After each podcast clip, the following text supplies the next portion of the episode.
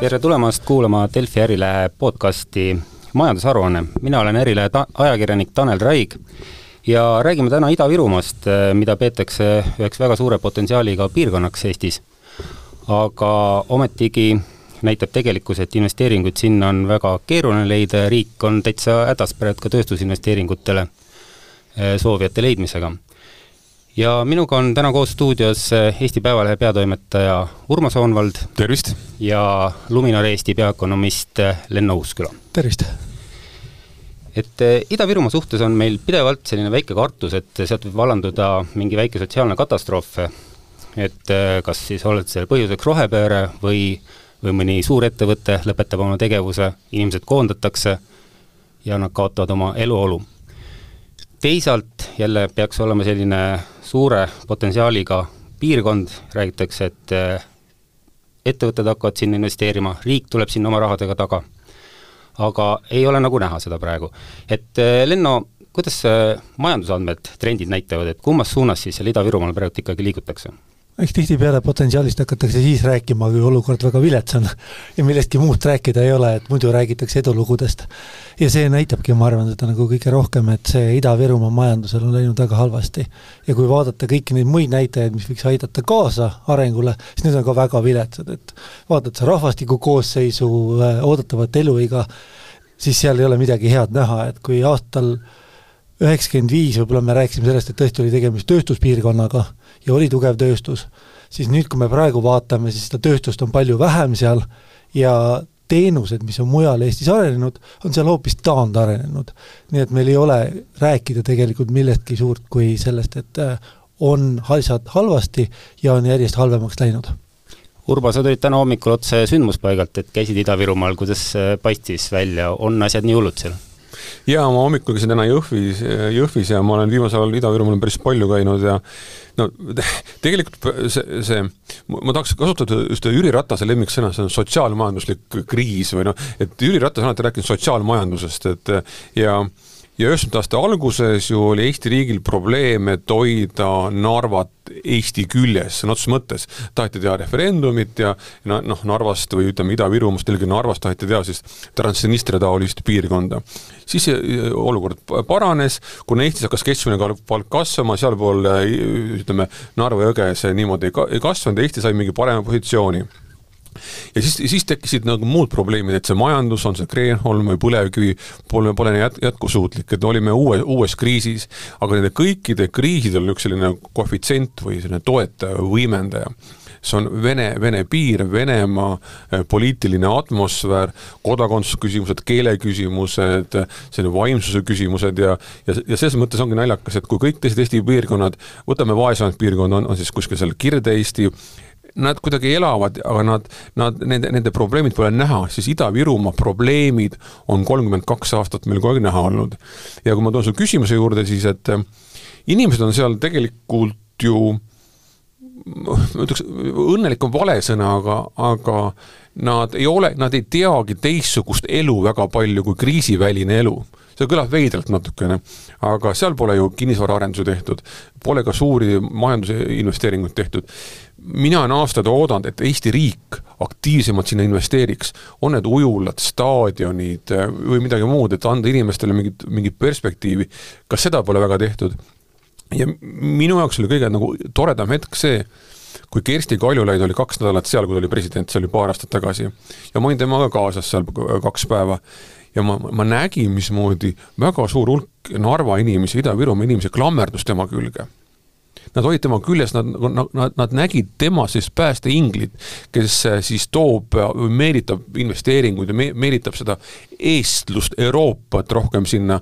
aga minu arvates see ebaõnnestus ja, ja selle ebaõnnestumise apogee oli minu jaoks see, et äh, Euroopa kultuuripealinna tiitel anti Tartule, mitte Narvale. oleks täna, mõelge, aastal kaks tuhat kakskümmend neli on Euroopa kultuuripealinn Narvas oleks hoopis teistsugune fluidum selles piirkonnas.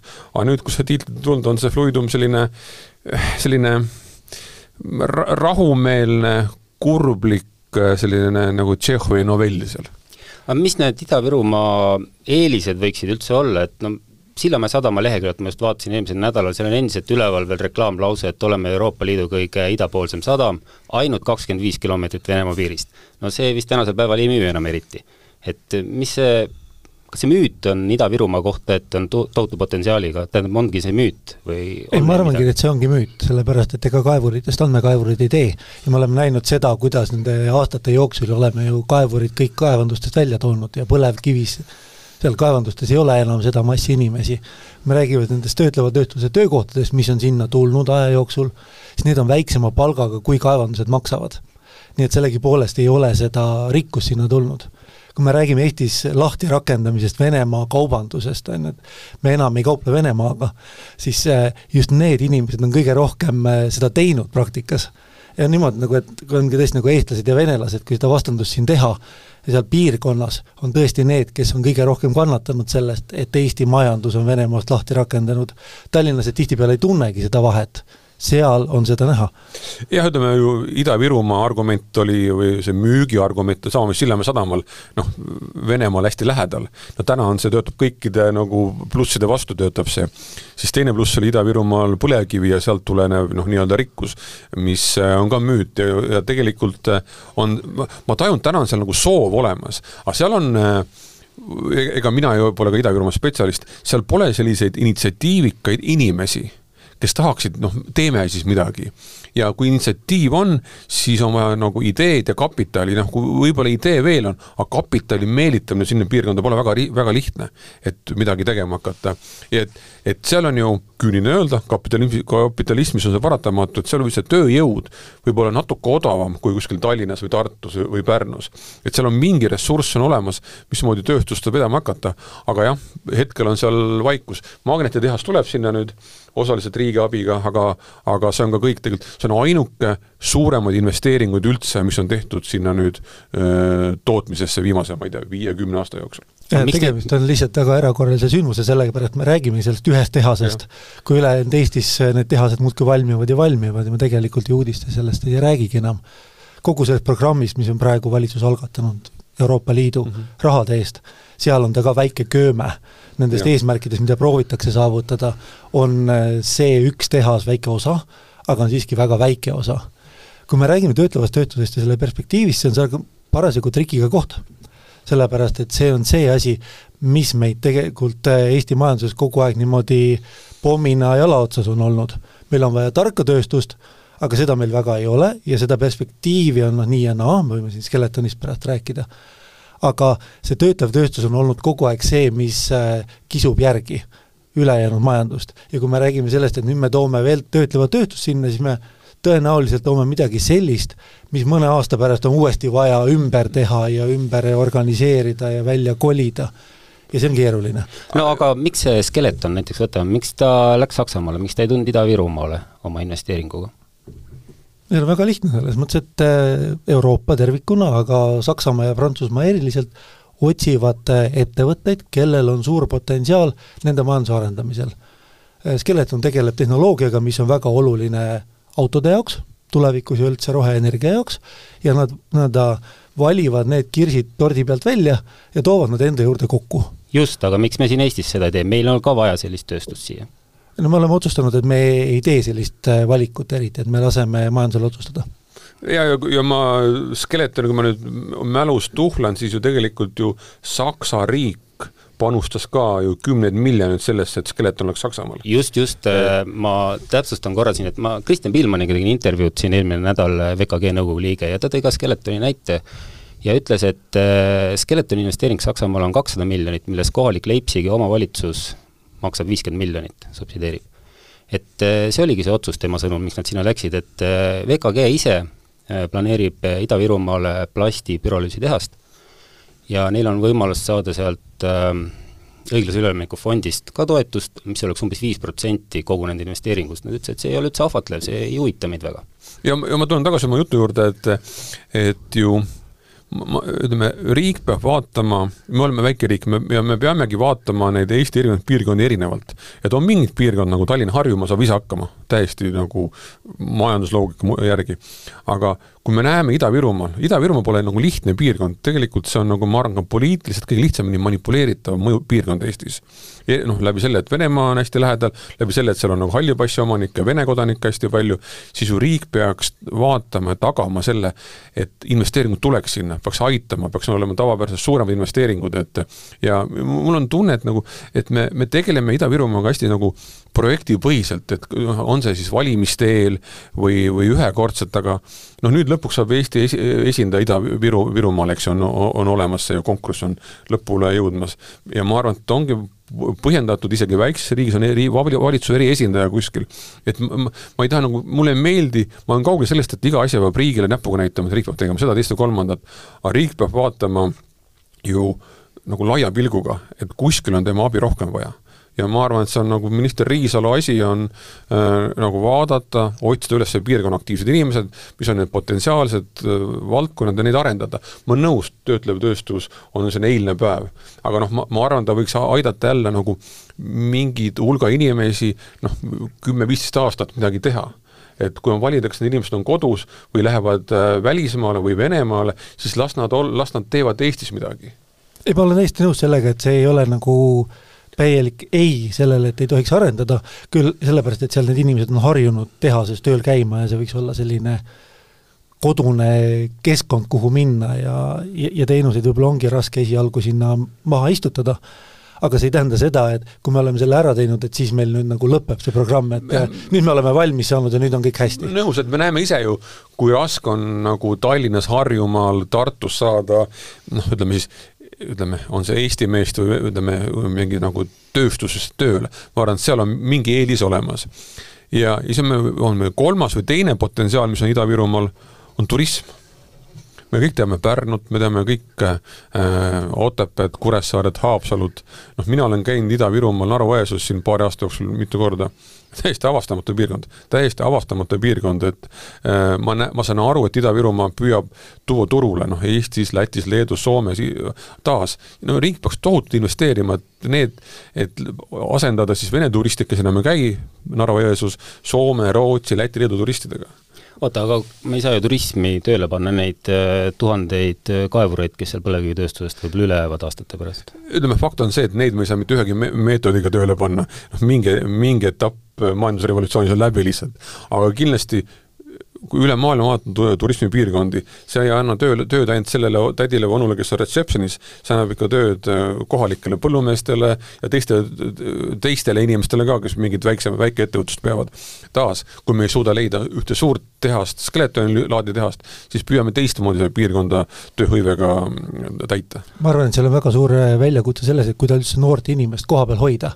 seal on äh, sündimusega tõsine probleem, kui äh, me räägime Eestis madalast sündivusest, siis äh, seal on päris hull see asi. et kui rahvastik on seal kümme protsenti, äh, Eesti tervikust vaadates, siis äh, sünde on kuus protsenti. see tähendab seda, et kui palju see suurem see lõtk on. kui me räägime sellest, et tööturule tuleb Eestis vähem inimesi, kui pensionile läheb, ja see nõnda pikem vaade on umbes niisugune null koma üheksa on, üks läheb välja, null koma üheksa tuleb asemele, Ida-Virumaal räägime null koma kuuest, et üks läheb välja ja null koma kuus tuleb asemele. ja kaks ühe, ühe asemel. ja nüüd selles keskkonnas, kus neid noori on vähe, ongi vaja leida mingeid viise, kuidas see noor näeb perspektiivi seal kohapeal. et siis tuleksid ka need suure potentsiaaliga inimesed, kes on julgemad hakkama äh, neid suuri projekte ette võtma, millest Urmo alguses rääkis. et see on probleem seal, et vaatame Narva, Narvas on praegu viiskümmend tuhat elanikku. see oli kogu viimase kolmekümne aastaga on kümned tuhanded inimesed Narva väiksemaks jäänud. ja, ja see majanduslik äh, halb lõimitus Eesti riigiga, see ühel hetkel võib tähendada ka poliitiliselt meile midagi. me mäletame Donetski, me teame Donetsk, Lugansk, no neid piirkondi, nad omavad teistsugust tähendust Eestile ja Narva ja Ida-Virumaa peab olema Eesti osa, mitte puhver Venemaa ja Lääne-Euroopa vahel või ütleme, Euroopa Liidu vahel. ja minu jaoks on see kõige tähtsam asi, riik peab mõtlema, et mida tugevam on Narvas keskmine palk, palju, kui, rohkem, palju on seal noori, kui palju on seal õnnelikke perekondi, seda tugevam on Eesti riik e. Ida-Virumaa on Eesti üks osa jaa, aga on siis sul mingi mõte ka, et mida saab teha, et see keskmine palk seal tõuseks niimoodi, mis riik peab siis tegema? ega ma olen kapitalismi usku inimene ja seal peab olema, töökohad on need üht, ei, ei, ei ainult toetustega, ainult avalduste ja programmidega ei saa, siin on vaja lihtsalt äh, riiklikult on vaja leida mingi lahendus, kuidas sinna töökohti juurde luua. no just praegu me näeme, et tööstusinvesteeringute puhul keegi ei tahagi seda raha, sest jääb raha välja võtmata. ma saan aru, et teed paarsada miljonit eurot on ju tegelikult ju seisab riiulil ja leia rakendust seal.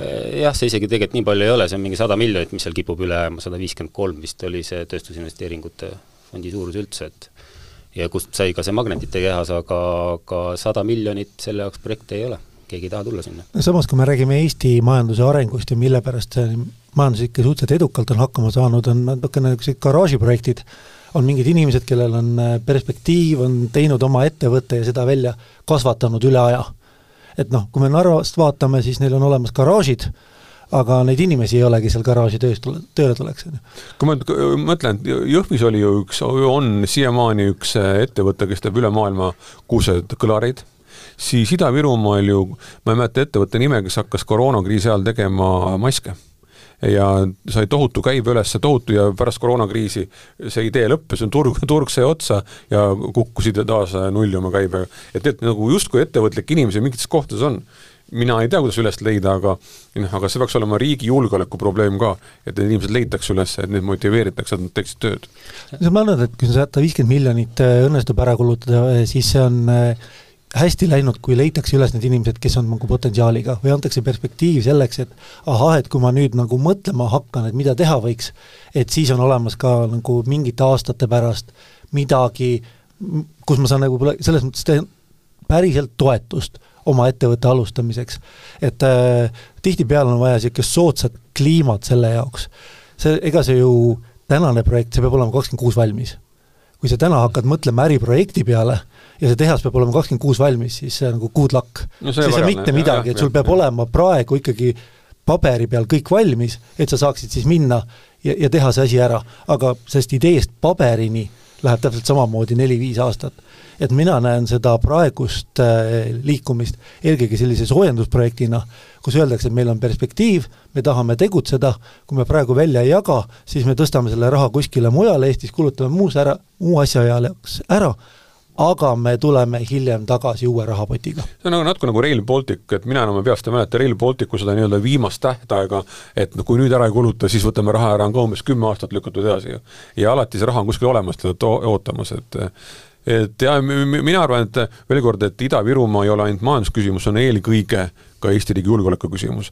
ja, ja ma lähenekski nagu tegelikult ka investeeringute selle nurga alt ja mina ei ole kunagi Ida-Virumaale laenu küsinud ja ma ei, ja mul on tunne, kui pangad näiteks peaksid laenu andma, nad ei anna soodsamalt, pigem on see risk suurem seal võr-, võrdluses on see Tallinna või Tartuga. ei no ilmselgelt on suurem puhtalt majanduslike näitajate põhjal, kui sa ütledki, et sa teed tehase, suure tehase, aga näitad, et meil parasjagu töötajaid juurde ei ole tulemas, sellepärast et noori on vähe. see äririsk on päris suur ja tehase kolimine on äh, väga kallis.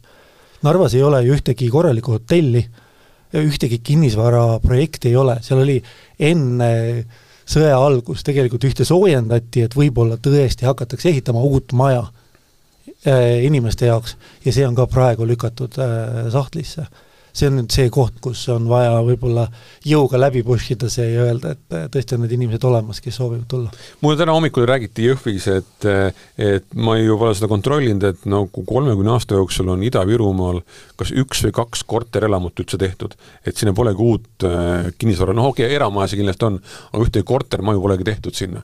et kui me üldse tahame sinna saada inimesi, siis on vaja infra, mis peab olema, kus elada ja kus oma aega veeta. ja kui seda ei ole, siis on väga raske inimesi meelitada, et et selles mõttes on, on väga tore see äh, Wise'i ja Bolti meeste kood, kool-projekt, et noh, see nagu noh, see on selline sõõm värsket õhku sinna et, et see piirkond elab, siin on võimalik midagi teha, aga taas, see on ju puhtalt peale investeeritud. ega see, see kasu ei tule sinna piirkonda, see kasu tuleb kuhugi mujale mida te arvate sellest mõttest, mis tuligi jällegi Kristjan Piilmani poolt, et riik võiks võtta miljardi laenu ja anda nagu korralikumaid toetusi, et selle viieprotsendilise toetusega noh, ei too sinna suuri, suuri projekte? et see kapital on liiga kallis selle jaoks, et tootlikkust parandada, siis tuleks kakskümmend viis, kakskümmend protsenti vähemalt olema see toetusmäär investeeringust. ma arvan, toetusmäärad ongi suuremad, kui minna sinna Äh, põhirahapoti juurde ja ülejäänud projektist ikkagi saab oluliselt suuremaid summasid kui viis protsenti. minu arust see magnetitehas sai ka suurusjärgus viisteist protsenti vähemasti, et äh, selles mõttes ei ole asi nii suur, et me räägime viiest versus kahekümne viiest, me räägime võib-olla viieteistkümnest versus kahekümne viiest. ja sinna on raha juurde vaja. kuna risk on suur seal nagu siis nii laenuandja poolt kui ka selle, selle poolt, kes laenu võtab, et aga, aga taas noh, me oleme ma arvan, et Eestis ja Euroopas on raha olemas sinna, mis võiks, võiks jõuda, ma arvan, ma oletan. jätkuvalt on vaja ka inimesi, kes koha peal siis noh, ütleme noh, me teame kõik jalgpallis Aivar Pohlakut, noh hull idee ja mismoodi ta on Eesti jalgpallis ehitanud staadioni ja arendanud, noh poliitiliselt see, see selleks, aga tal on, tal on hullud ideed.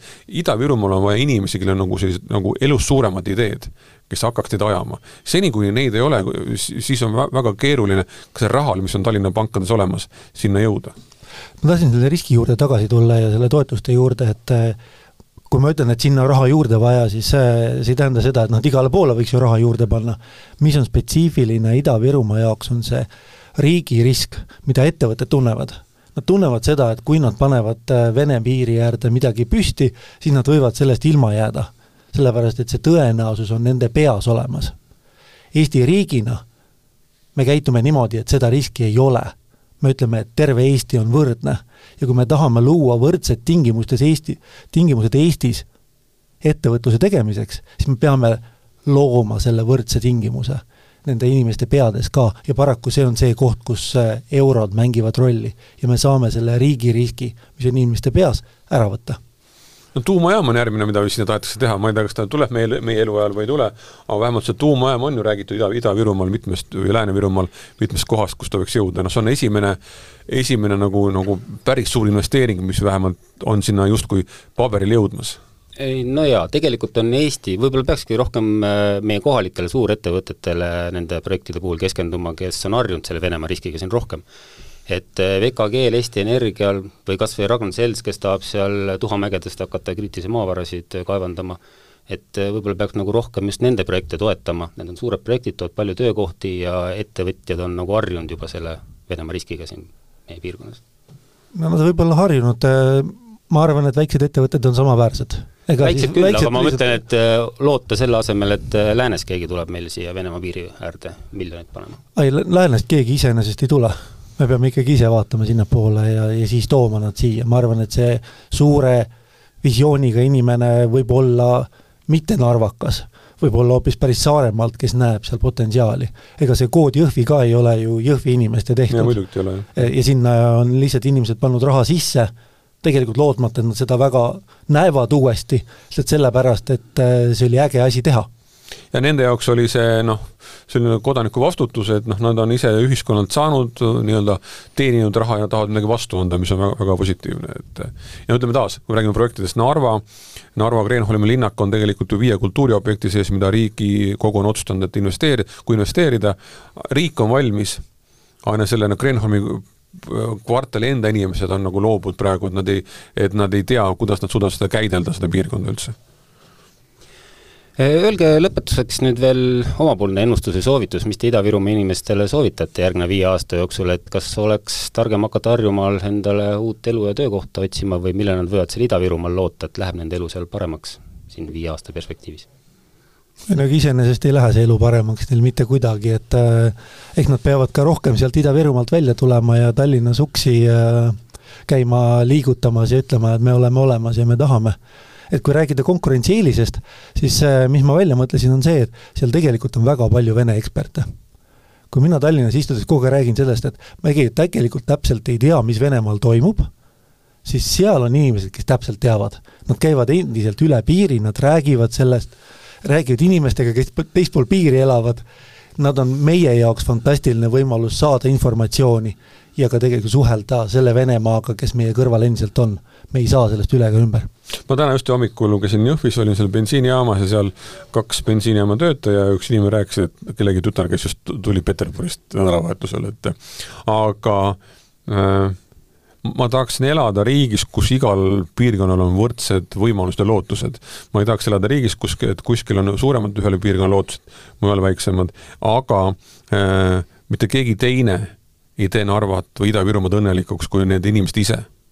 sest neil on kõige suurem võimalus, nad tunnevad seda piirkonda hästi ja see on nagu nende asi ajada seda, seda nagu, on see siis tööstus või mingi muu, muu tegevus seal, ütleme, riik peab toetama, pangad peavad olema kaasas, aga see initsiatiiv peab tulema Narvast või, või ütleme, Ida-Virumaalt või Ida, nagu ütles ka Enno, et no keegi Saaremaalt võib tulla, aga see initsiatiiv peab tulema koha pealt ega, ega kuskil mõne panga hoonest või Rahandusministeeriumist ei, ei teki initsiatiivi, et sinna midagi investeerima hakata. see peab tulema koha pealt ja see on mu kõige suurem üleskutse Ida-Virumaa inimestele, et no, et võidelge oma tuleviku eest. et me ei saa lubada, et Eestis üks piirkond nagu kuivab välja ühel hetkel Äh, tänan tänaseid saatekülalisi, aga Ida-Virumaa teema jääb Delfis endiselt fookusesse, et äh, seitseteist oktoober on meil tulemas juba Jõhvi kuld-, kontserdimajas äh, konverents pealkirjaga Ida-Virumaa võimalus, mida kardetakse, et seal siis kes meil esinevad seal, Urmo, tuleb? Kaja Kallas, Kersti Kaljulaid,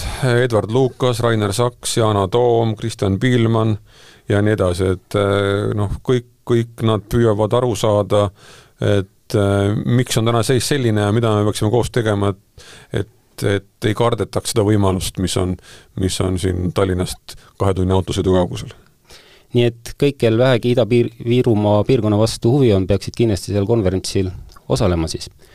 ja täna tänan teid osalemast saatest ja järgmine majandusaruande saade on juba järgmisel nädalal kavas, aitäh! aitäh! aitäh!